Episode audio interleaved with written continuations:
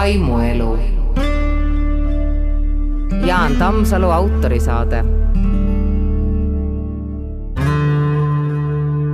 algabki taas uus vaimuelu saade. räägime täna elujõust ja elujõuetusest, paljust muustki püüame rääkida mehega, kes on jõudnud hämmastavalt palju ja tundub, et jõuab veel palju, kui elujõu kinkija päevi annab. Tere tulemast saatesse Vaimuelu, Margus Annuk. tere, aitäh kutsumast! palun pajata pisut endast, kes sa oled, millega oled tegelenud ja millega tegeled praegu või naudid vilju eelnevalt tehtust sinu pereni jõuame pisut hiljem. aitäh, ma alati, mm, kui niisugust küsimust esitatakse, siis ilmselt on hea alustada haridusteest, mis on teiste järgnevate tegevuste aluseks ja minul on ta olnud ka natukene eripärane selles mõttes, et ma teatud eluperioodil võis mulle öelda, et sa mees ei ole elus üldse tööd teinud, et sa oled ainult koolis käinud, nii. ja minuga juhtuski see eh, sellisel moel, et ma lõpetasin järjestikku kaks korda Tartu Ülikooli ja selleks on ka noh, oma põhjus, ma väga detailidesse ei taha kohe laskuda või kõrvalteele jutus aga siin oli kindlasti üheks äh, määravaks faktoriks Nõukogude sõjaväkke värbamine ja Afganistani sõda. ja mõnes mõttes ka muud asjaolud juurde, nii et ma esimest äh, ülikooli lõpetasin ilusti päevases osakonnas ära treeneri kutsega ja siis õnnestus mul praktiliselt kohe kümne kuu väikse vahega astuda uuesti arstiteaduskonda. ja selle ma lõpetasin kenasti ära ja sain ka ilusa nii-öelda tuleviku perspektiivi, olles arst-õppejõud Tartu Ülikooli Kliinikumis ja pärastpoole hakkasid siis uued õpingud ja ei jäänud see sisemine hing nagu rahule ja muutusid poliitilised olud ja, ja kõik muu sellega kaasnev. Ja seetõttu mõtlesin, et lähen teen Uppsala ülikoolis omal kiiresti doktorikraadi ära aga see kiirus, nagu ka teistel samasugustel meestel, võttis kümme aastat. mitte seetõttu, et ma ei oleks hakkama saanud, aga lihtsalt sealne keskkond oli minu jaoks niivõrd meeldiv ja inspireeriv, et ma meelega tegin selle perioodi endal pikaks. nii et venitasid mõnuga? jah jah, mitte selles suhtes, et ma oleks olnud äh, loid, aga ma ahmisin sisse seda kõike, mis pakkuda oli seal. Aga siis lõpuks hakkasid tööle ka või ei, või siiamaani õpid, ma, kui ma sul kodus külas käisin hiljuti, ütlesid, et sa õpid saksa keelt ja paistab, et sa ei saa tõesti pidama, aga kas sa natuke teinud ka midagi oled või? jah, ma olen seda püüdnud teha mitmel korral. Nii, ja ma arvan, et üsna edukalt selles suhtes, et ma mm,, mu elu läks selle plaaniga, et minna korraks välismaale, teha need doktorikraadid ära, aga andsin sinna sõrme ja tegelikult ähm, mõnes mõttes kaotasin käe ja ei ole seda päriselt tagasi saanud. muide, mees on stuudios kahe käega, ma lihtsalt mm -hmm. kirjeldan olu, kuna on audio. ja, ja mm, seetõttu mul peale selle doktori kaitsmist avanesid ka uued võimalused ja ma sattusin kenasti tööle Ameerika Ühendriikide ettevõttesse, kus ma alustasin niisuguse kliinilise direktorina meditsiinis ja lõpetasin pärast viitsepresidendina, aga see periood sisuliselt võttis kokku viisteist aastat, nii et ma olen töökohta osanud ikka pidada küll, ma arvan. aga see ei tähenda, et mu see CV oleks väga üksluine, nii et niisuguseid paralleelseid tegevusi ja ametikohti on mul siiamaani. nii et kui ma CV-d kirjutan, siis eh, seda tegin ka eile, siis eh, võib rida küsimusi tekkida, et kuidas ma saan ühel ajal mitmes kohas olla, nii et see käib minuga kaasas tänaseni mingi aeg töötasid sa ka Ukrainas? jaa, see oli selle Ameerika ettevõtte nii-öelda üks väljundeid või tegevusi ja see toimus jah, ütleme ikka tükk maad enne seda, kui tekkisid nüüd need olukorrad, mis seal on praegu tekkinud, aga need märgid olid juba siis olemas. mina alustasin seal circa kakskümmend aastat tagasi ja oma tegevust. Jeesus on öelnud, et meie suhtumine lastesse võib saada määravaks sellest, kus me elame kord igavikus. sul on suur pere, palju lapsi, mõned täisealised ja neli väikest ja väga erilist enne kui nendest räägime, jutustan ühe loo. ühes peres elas kaks inimest, mees ja naine, kes väga igatsesid lapsi, aga ei tulnud ega tulnud. siis lõpuks võtsid lastekodust ja kummaline peale seda, kui nad lastekodust omale olid lapse võtnud, jäi naine käima peale ja sünnitas ka lapse. ühel päeval, kui need kaks poissi mängisid,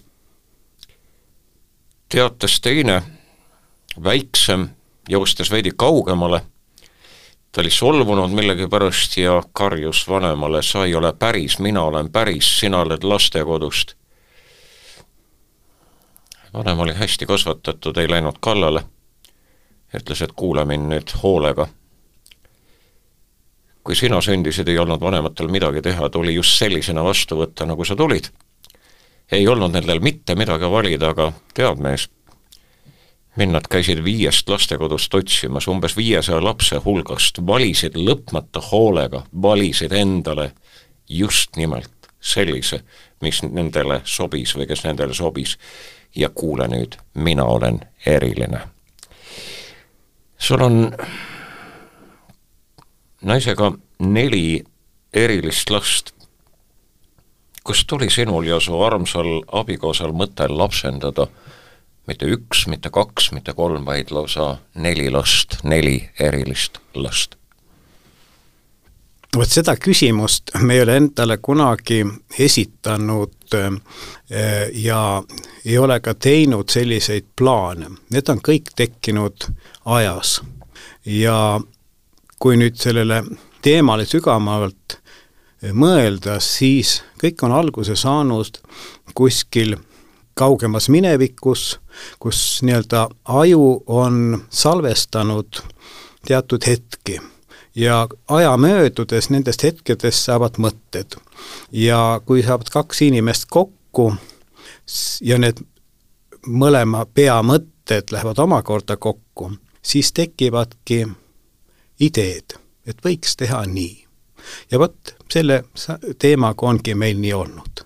Ja ma mäletan seda, me sõitsime abikaasaga tantsu eratundi, mis oli Tartust natukene väljas ja mäletan seda ristmikku.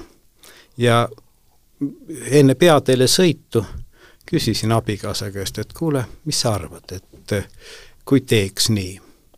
ja tuli kiire vastus, jah nii et see tähendas, et ka tema peas oli midagi nii-öelda äh, valminud või küpsenud, mis oli selleks ajaks nii küps, et need kaks mõtet võisid omavahel kokku minna. aga seal ristmiku peal ei jõudnud ju öelda, et võtame neli? ei, absoluutselt alustasite mitte. ühest? jah, ja, ja kui ma tänast päeva vaatan, siis ma ei oleks kümme, viisteist, kakskümmend aastat tagasi kunagi osanud isegi niisugust plaani teha, et me võtame neli last ja üks nendest on raske füüsilise puudega, et niisugused asjad ei oleks kindlasti pähe tulnud, aga tänaseks on see meie jaoks kena norm nii-öelda ja me üldse ei kahtle selle mõtte eh, nii headuses, vaid see on meie elu ja me naudime seda elu me hiljem räägime ühest kummalisest asjast, nimelt meemidest, aga, aga, aga tulen tagasi selle küsimuse juurde, et et kust see mõte tuli ja mõtlen seda niipidi, et kust see võis tulla, kus oli selle mõtte algpunkt, kui seda annab nõnda fikseerida? Jah, siin annab seda mõttekäiku arendada küll. ma lähen natukene kaugemale, eh, olles meditsiini valdkonnaga tegelenud ja mingil määral ka nii-öelda aju funktsioneerimise teemadega, siis ma olen aru saanud, et et ähm, on üks asi, et minna kooli ja võtta raamat ja hakata midagi õppima. see on kõigile arusaadav nii-öelda tegevuskäik, aga tegelikult meie aju õpib keskkonnas kogu aeg, me ei märkagi seda. Ja fikseerib, kuidas kellelgi ja see eelneb, noh muidugi ka mm, eeldab seda, e, millega see aju varem on tegelenud, aga minul, kui nüüd minna nüüd selle e, laste teema juurde tagasi, siis kindlasti, kui ma nii analüüsin, siis e, alguse sai see minu tööst Ukrainas, kus ma enamus aega tegelikult töötasin samas piirkonnas, kus on suured lahingutegevus, Donetsk ja Lugansk, ja nägin seal, rõhutan veel, ei olnud sõjaperiood, nägin seal suuri eh, tänavalaste gruppe, kes elasid eh, nendes soojatrassides, tulid sealt välja, nuusutasid liimi, mõni oli päris sülelaps, mõni oli juba täiskasvanu moodi. Ja samas sõitsid sealt mööda kallid Maybachid ja oligarhide autod ja nägin mm, seda ja see kuidagi kõnetas ja seetõttu mul tekkis ka eh, lisamõtteid veel nende inimeste mälestustest ja juttudest, mis nad kohapeal rääkisid, siin ei ole aega sellest pikemalt rääkida, aga see kõik salvestus mul ajus. ja, ja vot see periood, see võis olla isegi kümme aastat peale seda, kui ma sealt ära tulin, hakkasid need asjad ajus nagu oma konstruktsioone võtma. ja siis ma mõtlesin, et mm, kui päästaks sealt kas või selle ühe lapse ära ja mm, hakkasime ka, kui abikaasaga oli sel teemal vesteldud, hakkasime sel teemal eh, nii-öelda mm, tegutsema, aga arvestades äh, igasuguseid bürokraatilisi teemasid ja olukordasid, siis me sealt nagu läbi ei murdnud. Ja läks teisiti, nii et me, need lapsed, kes meil on, on Eestimaa pinnalt pärit, aga algne mõte oli see, et proovin Ukrainast tuua. jah, ma siin seda sinu lugu kuuldes ja, ja sul ka külas käies ja neid lapsi, neid vahvaid lapsi vaadates ja teid vaadates, kuidas te seal nendega suhtlesite, tekkis üks paralleel, Fats Wagner räägib Rousseau'st, kes kirjutab tohutult ilusaid asju ja võtab endale sellise peaaegu et hariduseta naise endale naiseks ja, ja sellel hakkab lapsi sündima. Ja ta saadab või käsib naisel kõik need lapsed või need lapsed, kes nendel sünnivad siis.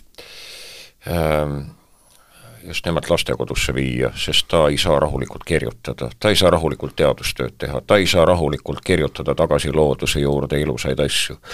et on kummaline, et osad inimesed äh, suudavad tohutult ilusat äh, loomingut teha, suudavad ääretult kaunilt kõnelda ja ka lapsed segavad, lapsed on täiesti tüütud, lapsed ei lase keskenduda, no sina õpid saksa keelt, ma ei tea, neli last seal ümberringi ja nii edasi, et äh, kas ei ole tulnud mõnda sellist hetke, kus sa oled mõelnud, et äh, et äh, parem oleks, kui poleks Ukrainas neid lapsi näinud ja kui poleks nii läinud ja nii edasi, et lapsed segavad või aitavad?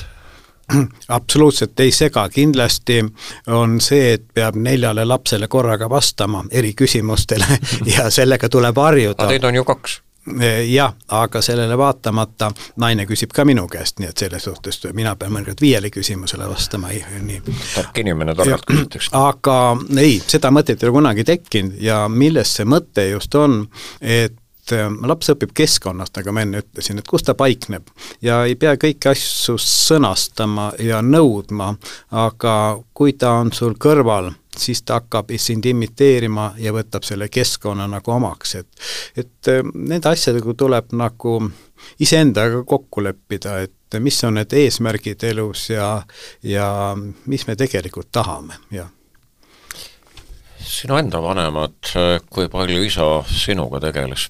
Jah, ma ei saaks kindlasti öelda, et mu isa oleks niisugune läbinisti lastekeskne, aga mul ei ole ka mingisugust vähimatki kriitikat, et ta oleks vähe tegelenud. pigem järsku oli siin see, et ta oli teadlane, kes istus laua taga ja kirjutas selle hariliku pliiatsi päevaga läbi, siis ei olnud veel eh, arvuteid ja pühendus väga palju eh, niisugusele vaimutööle.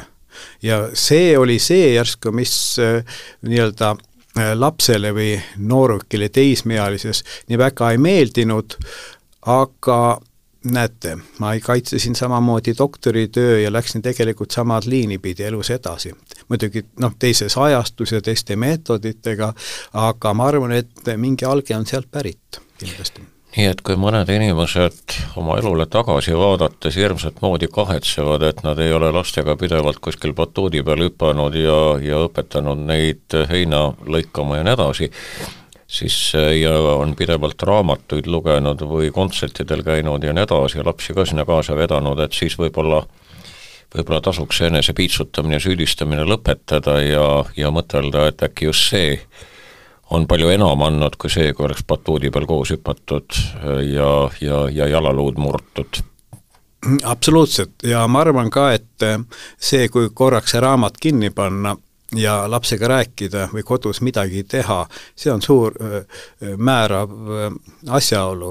Ja üks veel, et mis, kui tagasi vaadata, mis on palju mõjutanud, on see, kes külas käivad ja mille, -huh. millest nad räägivad.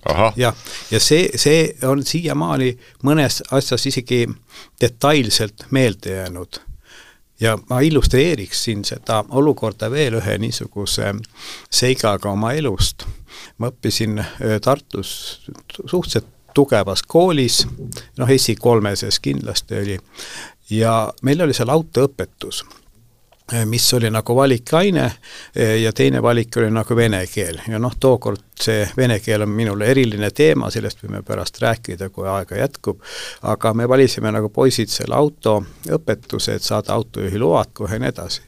ja vot siis tekkis üks huvitav moment mu elus, mida ma järsku tollel hetkel väga ei ei tabanud, aga mis on mul kandunud nii-öelda meemina edasi, me pärast seda terminit võime ka täpsemalt rääkida, oli see, et meid saadeti praktikale ja saadeti niisugusesse tehasesse, kus võeti vanu autosid lahti ja, ja pandi uut kokku ja nii edasi.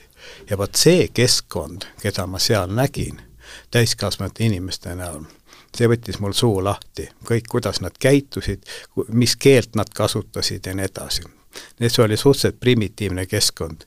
ja siis ma tegelikult hakkasin mõistma, kust ma pärit olen, kes on meie ümber, kes on meie külalised, kes on ka meie sugulased, nii et seal tekkis üks suur mingisugune selguse tunne, nii et ma ei taha siin kuidagi eh, eh, kätega või lihtsalt tööd tegevaisi inimesi kuidagi nii-öelda maha teha, aga see oli üks fakt minu elust tookord.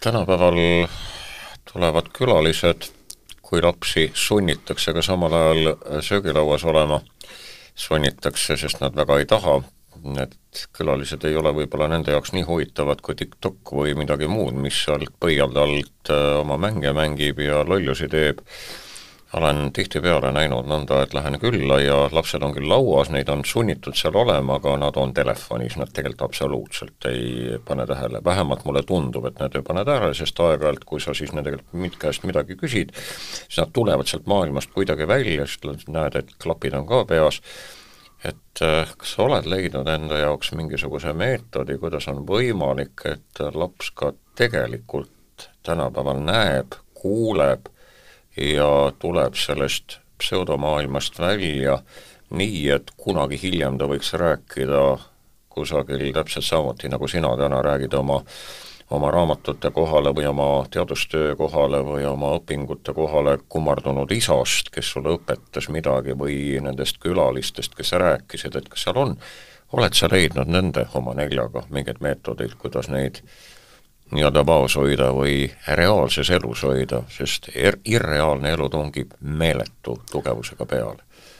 jah, kindlasti me ei ole selles eh, teemas passiivsed, et me oleks mingi kuldmeetodi leidnud, eh, me ei, seda väita ei saa, aga me oleme selle otsingutel, nii-öelda võiks väljendada õige sõnaga, ja kindlasti me seda niisugust infotehnoloogilist maailma ei eita ja aga tähtis on nende proportsioonide paikapanek. ja mida meil kodus ei ole juba palju aastaid, on televiisor, et just selle mõttega, et tast ei muutuks nagu tapeet seina peal ja ta mängiks ja võtaks meie no tähelepanu ja siin tekib seesama fenomen, et me aju õpib nii või naa ja kui sealt on mingisugune eh, temaatika, mida ei oleks aju, aju, ajul nii palju omandada, siis ta hakkab meile vastu töötama. see ei tähenda seda, et me, meil on kodukino, me laseme suure ekraani alla ja vaatame siis läbi arvutist filme koos ja lapsed vaatavad lastesaateid, aga ega see kerge ei ole, selle piiri tõmbamine, sellepärast et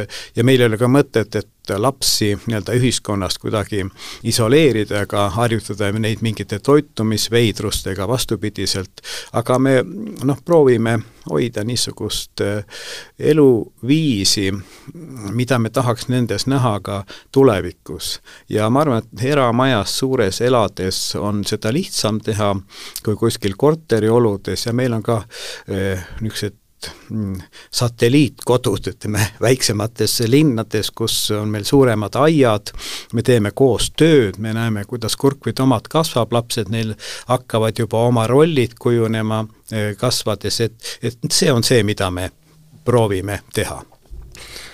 Jääme korraks veel laste juurde ja laste kasvatuse juurde, sest kui stuudios on mees, kellel on, on see kogemus olemas, üksi kasvatanud kõigepealt ühe oma lapse üles ja ja temaga Rootsi rännanud ja nii edasi ja, ja, ja pärast koos teise abikaasaga siis nii palju, nii palju lapsi kasvatada.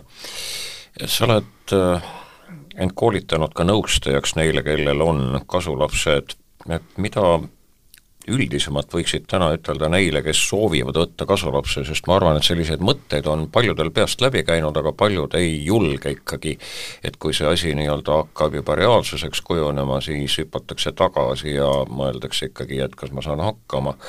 et millega peavad need inimesed, kes sellist mõtet hakkavad mõtlema, tegelikult kindlasti arvestama või, või, või kas sul on mõned paari minuti jooksul öeldavad sellised üldtõed ütelda või kas sa tahad neid ütelda, sest nõustaja tihtipeale raadios ei ütle midagi välja, pärast ei kutsutagi enam. ei, pigem vastupidi, ma arvan seda, et äh, kindlasti tasub neid mõtteid edasi mõelda, kui need on juba tekkinud ja kui nad ei ole tekkinud, siis tuleks nad, juhul kui olukord on selline, võtta päevakorda.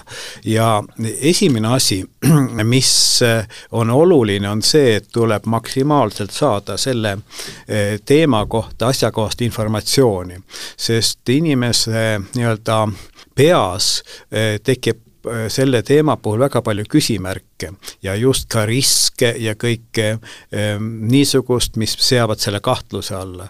ja tihtipeale on see, et see teema ei anna ka väga palju aega mõtiskleda, kuna eluaastaid tuleb juurde ja tekivad ka muud riskid, et kaua ma saan seda lapsega koos olla ja kas ma olen ise täisväärtuslik ja kas minu tervis peab vastu ma toon hea näite siin, et et äh, ma ühes äh, niisuguses heategevuses organisatsioonis, kus on ainult mehed, ma tegin sellealase ettekande. Ja neid ettekandeid ma teengi sellepärast, et mitte demonstreerida, kui tublid me oleme, vaid sellepärast, et juhul, kui minu niisugune ettekanne loob mõtted ja läbi selle mõni noor inimene saab endale korraliku pere ja kodu ja nii-öelda lapsepõlve, siis on see suur võit ja see oli huvitav, et oli meeste seltskond ja ma rääkisin nendele noh, niisugustest üldtõdedest, millised on probleemid, millised on teemad, millised on lahendused ja noh, kõik olid nõus ja noogutasid ja, ja plaksutasid, et tubli poiss, et nii edasi.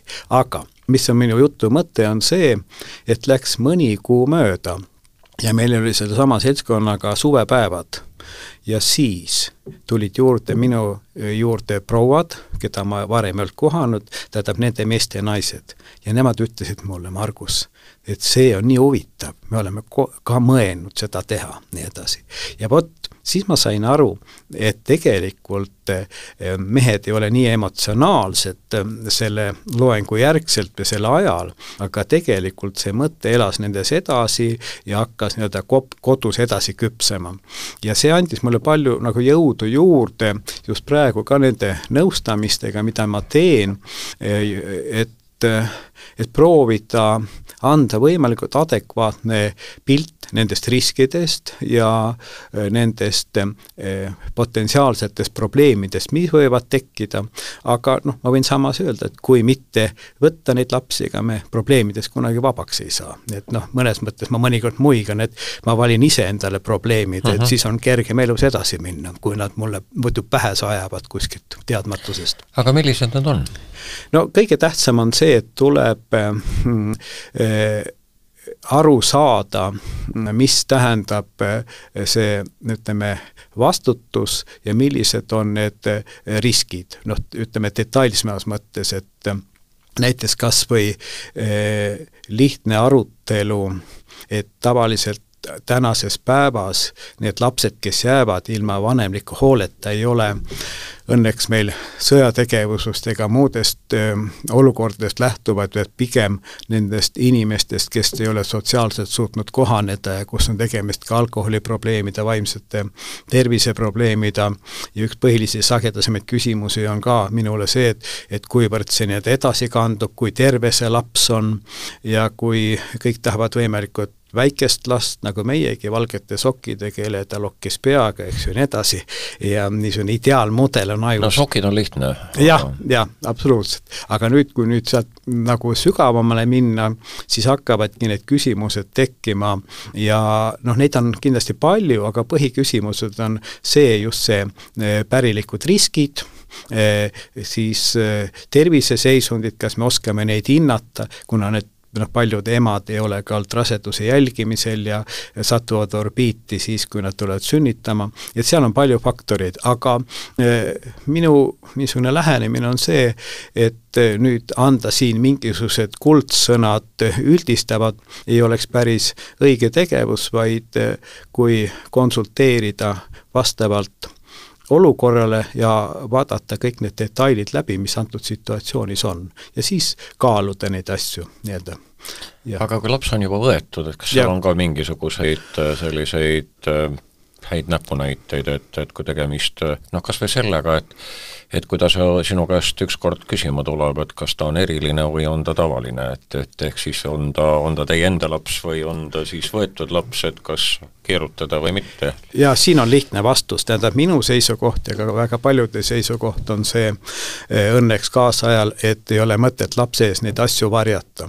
sellepärast, et eh, elu on ka näidanud, et eh, kui me varjame, siis me mõnes mõttes eh, lapse eest nagu elame paralleelelu kuidagi ja varem-hiljem tuleb see kuidagi välja ja siis tekib see usalduse probleem eh, vanemate osas, kes on teda kasvatanud, küsimas, mis veel, ja neid halbu näiteid ma tean palju, kui ütleme, purjus suvila naabri mm, noh, räägib need asjad nagu välja, tuleb see hoopis kuskilt teiselt poolt. Kaasaegne ühiskond on juba nii-öelda selles mõttes tolerantsem, et kui neid eh, lapsi mm, eh, nii-öelda varakult tundes ära selle õige aja, nendest teemadest rääkida ja mm, eh, siis need asjad lähevad kenasti oma rida, nii et ei ole eh, pärastpoole konflikte karta.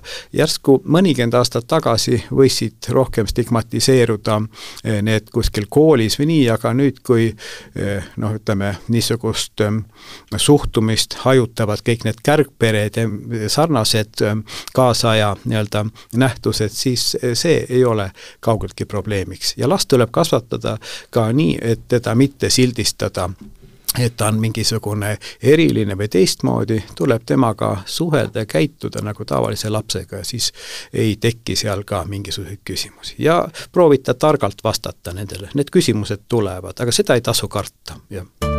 stuudios on külaline. järgmise teema juurde minnes äh, ütlen otse ära, et ma kindlasti koban pisut äh, mitte päris pimeduses, vaid hämaruses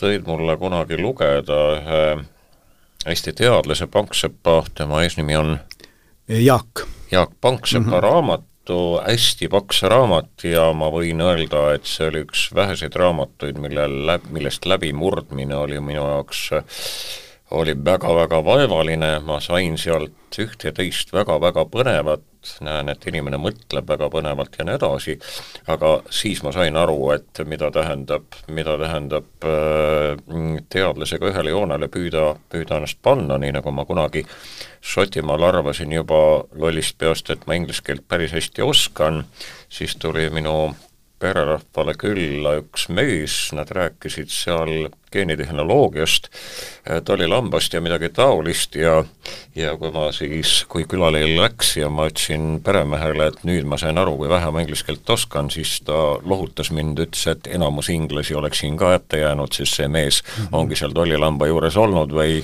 ja nii edasi.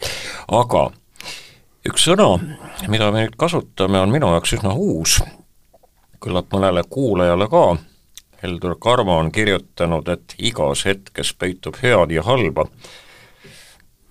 me räägime meemidest. mis asjad need meemid on? sa oled mulle öelnud, et see on seoste toomine läbi oma elukogemuste vaatlemise, aga, aga selgita natuke seda meemide teooriat kuulajatele jah, ma järsku seletan seda enda nii-öelda mm, termini definoloog-, defineerimise läbi, selles mõttes, et äh, ma ei mäleta peast, palju Jaak Panksepp oma raamatus seda käsitles, aga mm, selle niisugune üldmõte on see, et see on nagu mingisugune mm, mõtte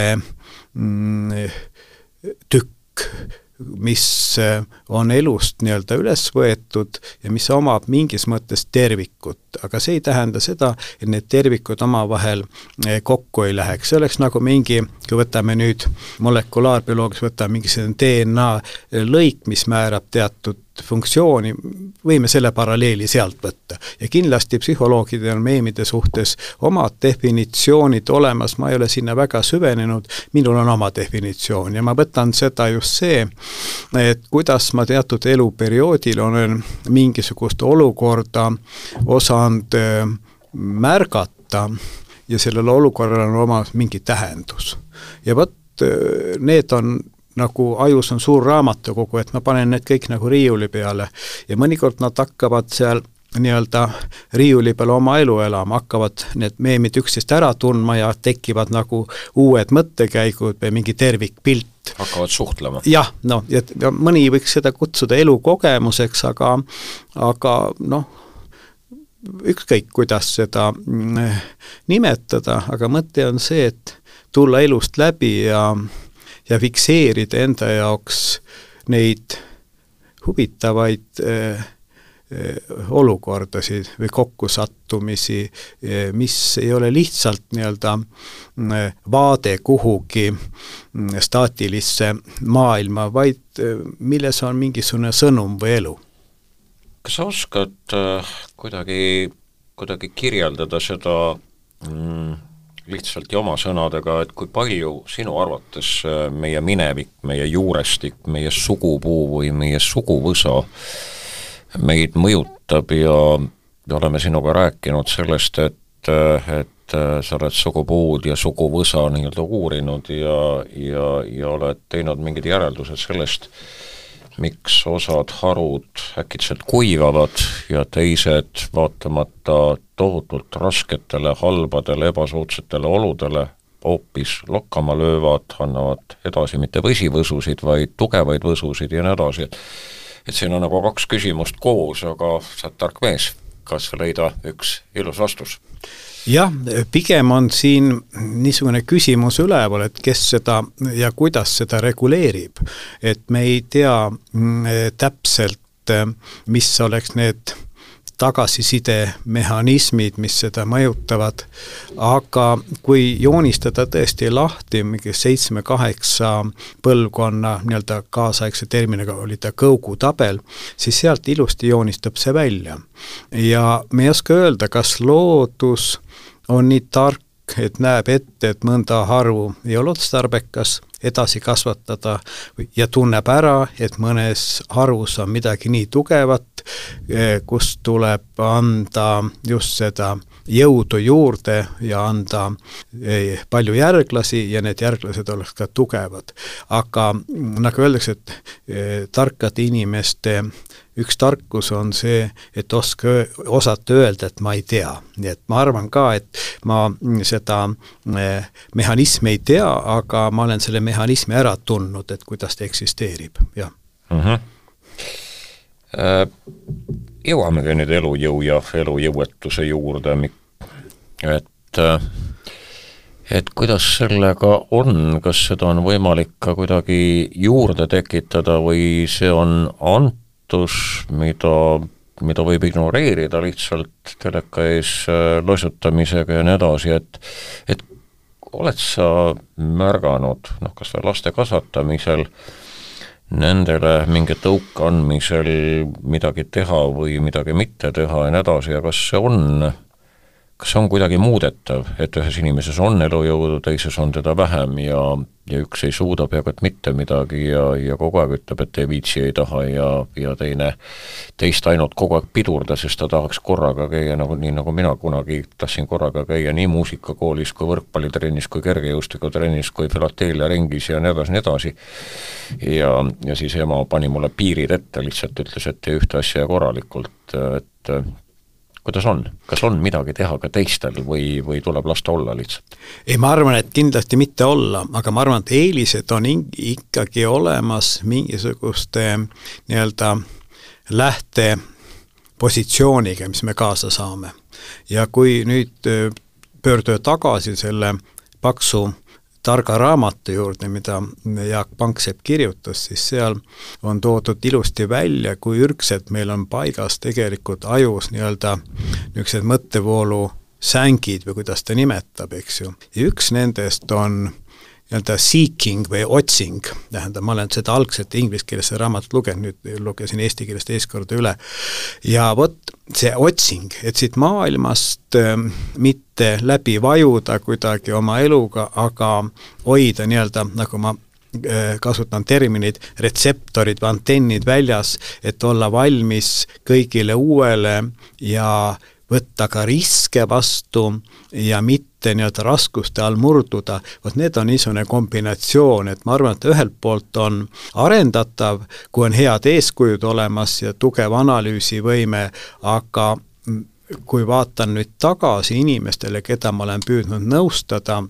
ja kes on nii-öelda üsna lörtsid selles osas, vabandust väljenduse eest, siis äh, mõnikord tundub, et see on natukene, kas on lootusetult hilja või või see organism ei ole valmis seda vastu võtma. et see on ka küsimus, äh, millele mul tarka vastust ei ole. aga üks vastus on see, et kunagi oli hilja, alati tuleb eh, pakkuda nii-öelda see mõte välja ja ka abikäsi ja proovida ikkagi inimest aidata sellest olukorrast välja, kui on tekkinud midagi sarnast sa oled äh, erinevaid uuringuid läbi viinud, ma tean, mäletan seda hetke, kui, kui Alar Seim, su hea sõber ja minu hea sõber, äh, meestetrenni meestele ütles, et ühel hetkel ühel, ühte trenni tuleb veel keegi ja hakkab mingit uuringut meiega, meie uuringu mingisugust detaili meie kallal nii-öelda läbi viima ja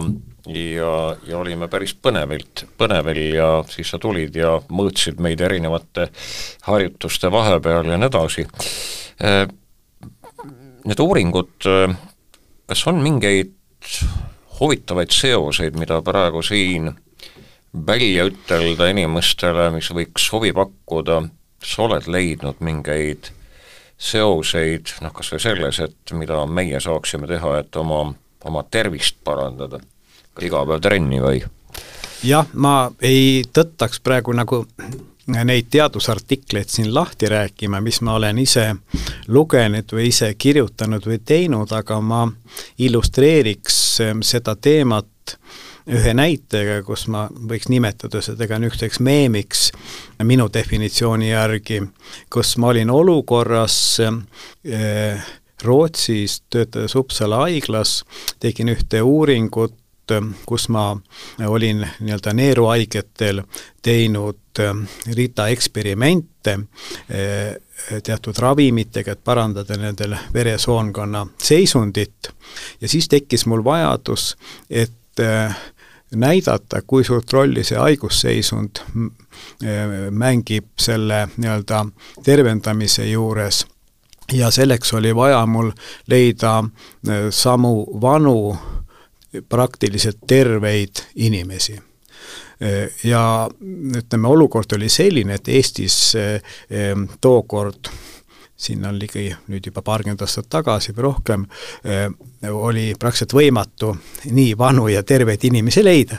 aga Rootsis mul õnnestus see eh, ka omaette teema läbi eh, heade inimeste, kellega ma olin seal nii-öelda sõbraks saanud ja nad aitasid seda mul teha. Aga milles ja kokku oli vaja mingi circa kolmkümmend inimest. ja siis mis siis juhtus, juhtus see, et minu ukse taha haiglasse tulid eh, eakad inimesed ja nad, nendel oli kõik ühine üks omadus. lisaks sellele, et neil ei olnud suuri süsteemseid haigusi ega midagi sarnast, nad olid kõik rõõmsameelsed ja positiivsed. ja siis tekkis mul küsimus, et ohoo, et kas nad on nüüd rõõmsad ja positiivsed sellepärast, et nad on vanaks elanud või on nad vanaks elanud sellepärast, et nad on rõõmsad ja positiivsed. vot see küsimus jäi mulle noh, ülesse ja mingil määral ta tiksub mul siiamaani. ja teine illustratiivne niisugune näide meemi kujul on veel see, et kui ma elasin Rootsis, ma käisin aeg-ajalt ikka Eestit külatamas ja oma kodumaja üle vaatamas ja sattusin, tookord oli mul veel televiisor, sattusin seal vaatama seda, kui üks äh, nii-öelda tänavale jäänud inimene vedas plekkvanni enda taga ja korjas sinna vana rauda sisse ja viis seda kokkuostu ja siis see reporter küsis, et noh, kui palju te päevas siis ära kõnnite, ta ütles, et noh, tuleb siis kümne kilomeetri ring umbes nii ja siis samas on, olen nagu üle uputatud kogu aeg meediast selle peale, et näete, kus on tervislik eluviis ja pange oma kolesterool korda ja et siis tehke metsajooksu ja kõike muud sarnast. ja siis mul tekkis mõte, et oot-oot, et ma teeks niisuguse uuringu, et ma määraks kõigi eh, nende käe analüüsitavate, eh, korralikus laboris tehtavate südame-veresoonkonna riskifaktorite, nende analüüs nendel kodututel, kes noh, reeglina ei ela tervislikku eluviisi eh, ja ei tee tervisejooksu ka? jah, absoluutselt nii. ja siin see teine asi on see vanni vedamine ka, ma tulen selle juurde tagasi, aga siis eh, ma tegin Tallinnas selle uuringu kui ma töötasin professori eh, Tallinna Ülikooli juures ja mm, võtsime kõik need kolesteroolid ja, ja põletikunäitajad ja triiglütseriidid ja kõik, mis seal võimalikud on, ja umbes viiekümnel kodutul tegime selle uuringu ära. ja mis selgus et sada protsenti kõigil oli kolesterool ja kolesterooli nii-öelda fraktsioonid, need head ja halvad olid korras. seega, kui sa tahad kolesterooli korda saada, siis mine kodutuks. ja vot see ongi see niisugune trikk, järgmine loogiline ja samas ja kõik muud ja see, et ähm, seda põhjendada, et neil oleks suur eh, nii-öelda äh, värskes õhus füüsilise äh, koormuse nii-öelda elustiil, see äh, langes kohe välja, siis ma sain aru, et see televiisoris nähtav mees mees eh, ei, ei olnud selle tõelise kontingendi esindaja, sest eh, mõnda, keda me kaalusime tookord, eh, ei seisnud püstigi ja neil olid põletikunäitajad olid ülikõrged ja ja nende üldine seisund oli väga halb, et mingisugust äh,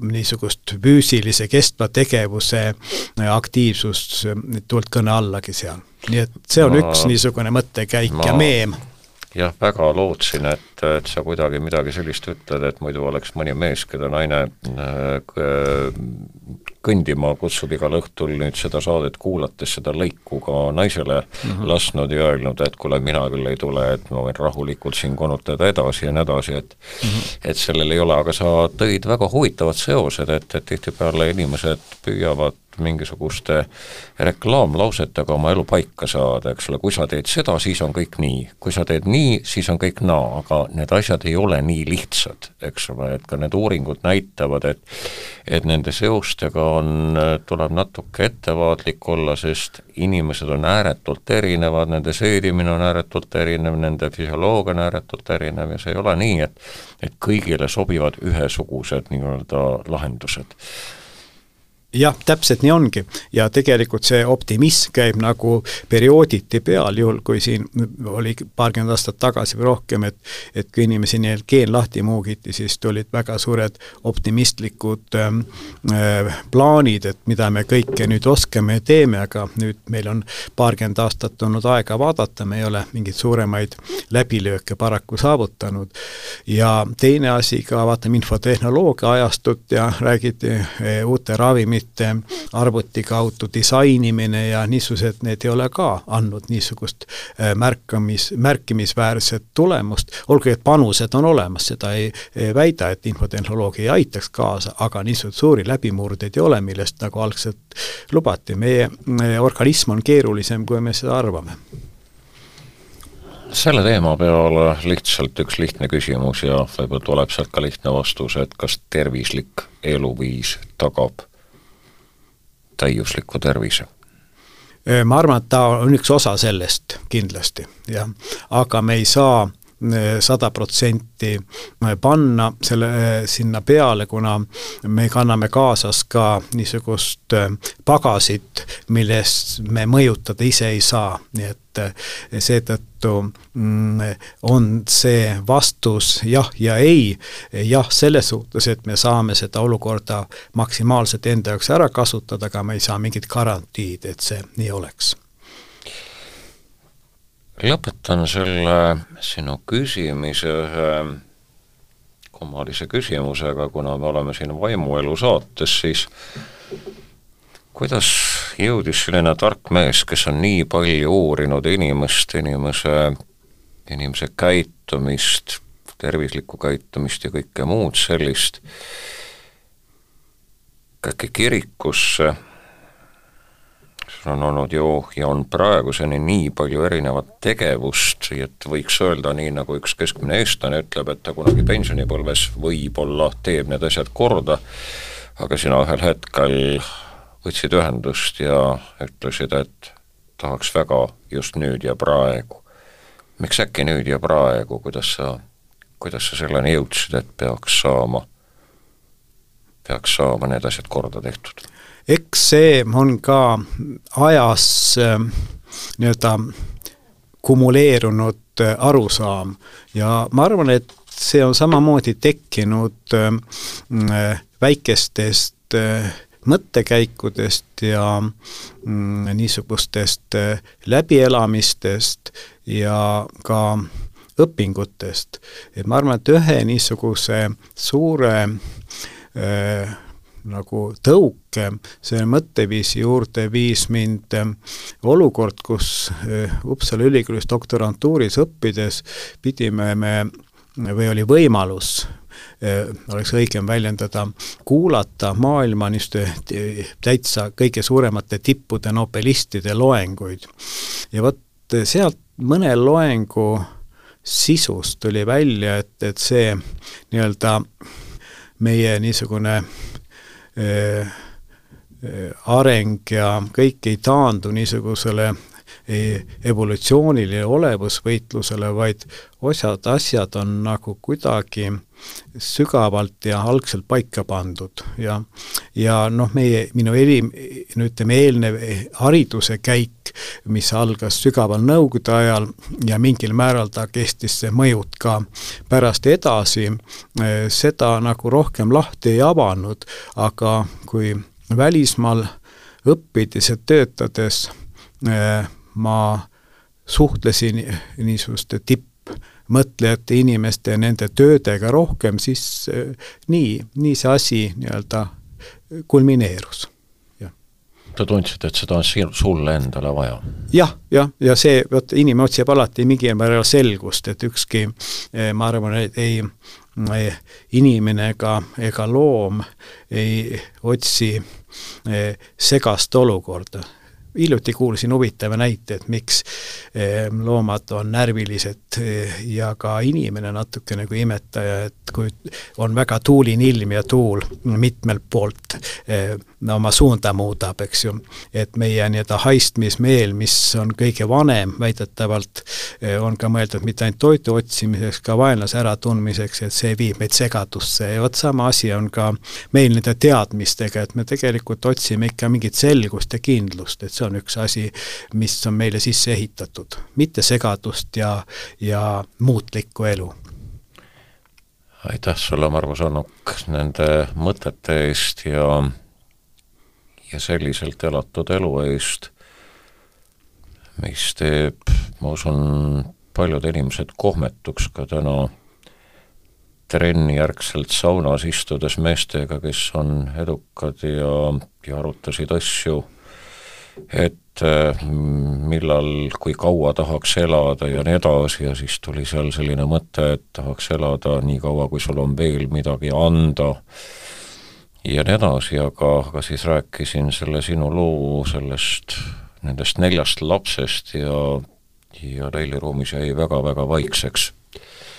väga-väga vaikseks, sest ainult mõelda selle peale, et mida sa veel tahad saada, millist autot veel või millist reisi veel või mida veel, milliseid naudinguid veel ja nii edasi, see on, see ei ole ju täisväärtuslik elu, see, mis seal sõnalaval ka kord kõlas, kui sul on veel midagi anda, inimene ei ole siia ellu saadetud ainult saama, vaid ka andma, nii nagu sissehingamine ja väljahingamine, mõlemad peavad olemas olema, kui ainult ühtepidi hakkad hingama, siis oled varsti, nagu noored ütlevad, kutupiilu.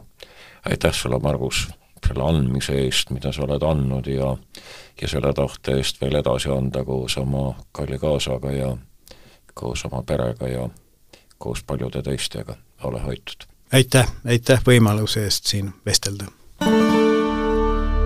Mõtisklus. üks imeliselt muutunud mees, Apostel Paulus, on kirjutanud, sest kui keegi arvab enese midagi olevat, olemata aga midagi, see ju petab iseennast. mida meie endast arvame ja kuidas me enda arvates elame? Toomas Paul, kes on palju lugenud ja teab paljudest asjadest enam kui paljud teised, on sageli väitnud, et suurem osa eestlastest elab siin Eestis mitmes mõttes palju paremini kui paljud meie eelkäijad ja isegi nendest, kes kord lossides elasid, külmades lossides. ka Kaido Kava ütles, et me elame tänases Eestis paremini, kui kunagi varem on siin elatud ja sööme iga päev nii, nagu meie vana, vanavanemad sõid ainult jõuluajal. jah, materiaalses mõttes on enamiku eestimaalaste elu täna palju lihtsam, turvalisem ja rikkalikum kui meie esivanematel, kuid kohati tundub, et paljud seda ei märka, vähesed oskavad sellest rõõmu tunda ja selle eest natukenegi tänulikud olla. hädaldamist ja nurinat peetakse normaalseks. kohati tundub, nagu oleksid nurisejad ise ideaalsed veatud. kas nad on?